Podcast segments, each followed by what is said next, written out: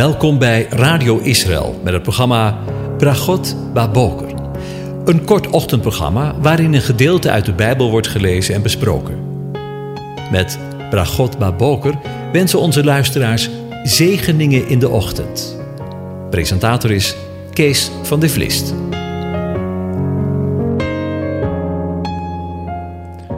Goedemorgen, Bokatov, beste luisteraars. Vanmorgen denk u weer verder na over Psalm 127. Ik lees de psalm aan je voor. Een pelgrimslied van Salomo. Als de Heere het huis niet bouwt, te vergeefs zwoegen zijn bouwers eraan. Als de Heere de stad niet bewaart, te vergeefs waakt de wachter. Het is te vergeefs dat u vroeg opstaat en laat opblijft. Brood eet waarvoor u moet zwoegen. De Heere geeft het zijn beminde in de slaap. Zie, kinderen zijn het eigendom van de Heere. De vrucht van de schoot is zijn beloning.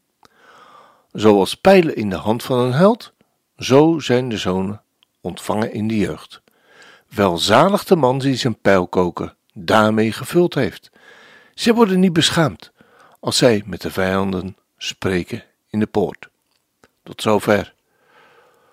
Over erfgenamen gesproken. We lezen in vers 3: Zie, kinderen zijn het eigendom van de Heere, de vrucht van de schoot is zijn beloning. En in de Hebreeuwse Bijbel lezen we: Zonen zijn de bepaling. Letterlijk de erfenis van de Heere, de vrucht van de baarmoeder zijn beloning. Ja, vanmorgen wil ik met u nadenken over het verschil in de vertaling tussen de HSV, de herziene statenvertaling, waarin de kinderen het eigendom van de Heere worden genoemd, en de Hebreeuwse vertaling, waarin de kinderen de erfgenaam van de Heere, JHWH, worden genoemd. Allereerst wordt hier in het Hebreeuws het woordje nagalat gebruikt. Het woord wordt vertaald met onder andere de volgende betekenissen: erfenis, erfdeel, bewoning, een erfstuk, een landgoed, een deel. En wanneer we de laatste betekenis gebruiken, spreekt dat wel heel erg aan. Zonen zijn deel van de Heere, van. Zo is allereerst het volk Israël het erfdeel, het deel, het erfbezit van de Heere.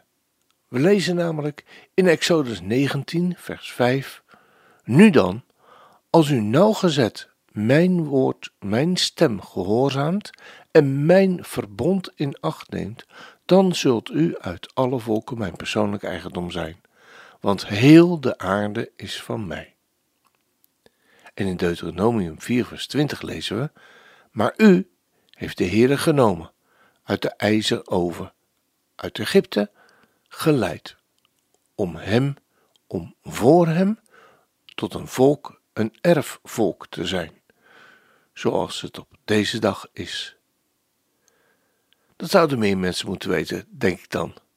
Handen af van Israël, want het is zijn bezit, zijn erfdeel, zijn Nagalat. En vervolgens is eveneens het heilige land dat aan de stammen is toegewezen, het land van de Heere.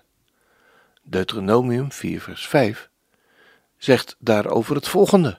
Zie, ik heb u de verordeningen en bepalingen geleerd, zoals de Heere mijn God mij geboden heeft, om zo te handelen in het midden van het land waarin u zult komen, om het in bezit te nemen. En in Joel 1 vers 6, daar lezen we, want een volk is tegen mijn land opgetrokken, machtig en niet te tellen. Zijn tanden zijn leeuwentanden. Het heeft de hoektanden van een leeuwin. De volken maken zich ook in onze dagen druk om het land Israël. Sterker nog, er zijn en er worden talloze oorlogen om uitgevochten. Maar laten we ons realiseren dat het zijn land is, waarin hij wil en zal wonen, bij zijn geliefde volk. Amen. En zijn erfgenamen en zijn erfgenaam met een hoofdletter zal daar in hun erfdeel in vrede met een hoofdletter wonen.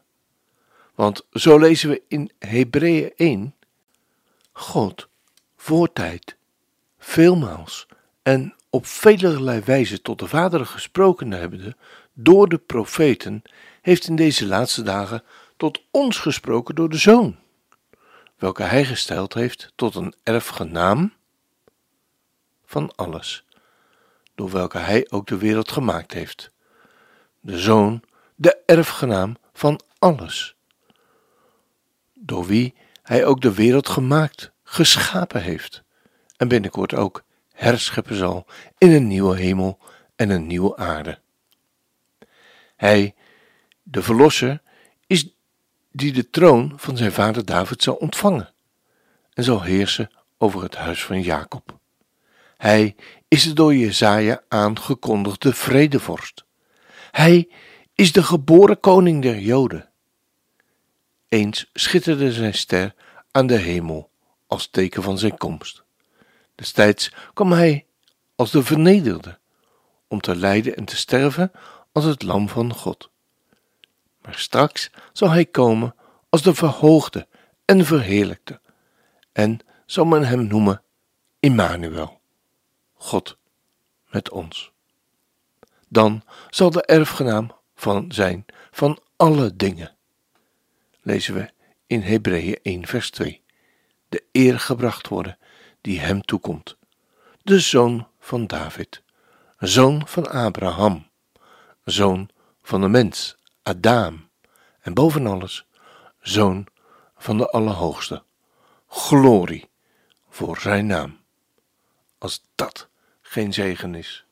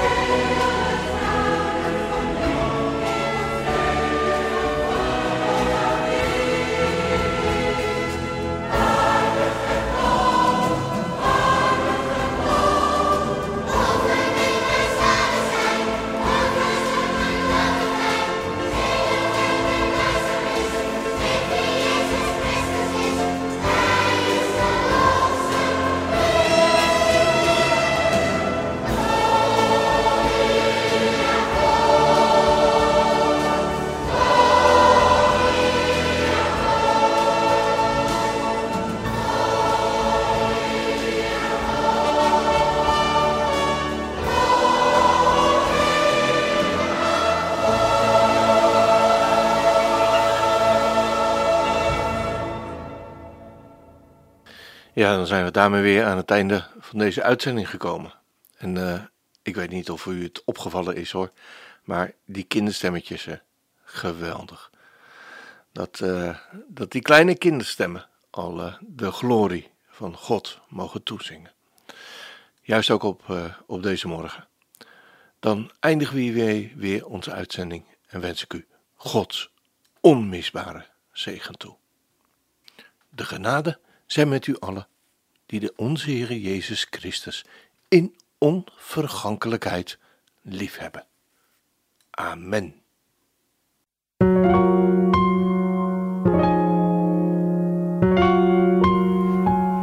U hebt geluisterd naar het programma Bragot Baboker. Een kort ochtendprogramma waarin een gedeelte uit de Bijbel wordt gelezen en besproken. Wilt u het programma nog eens naluisteren, dan kan dat Ga naar radioisrael.nl en klik onder het kopje radio op Uitzending gemist.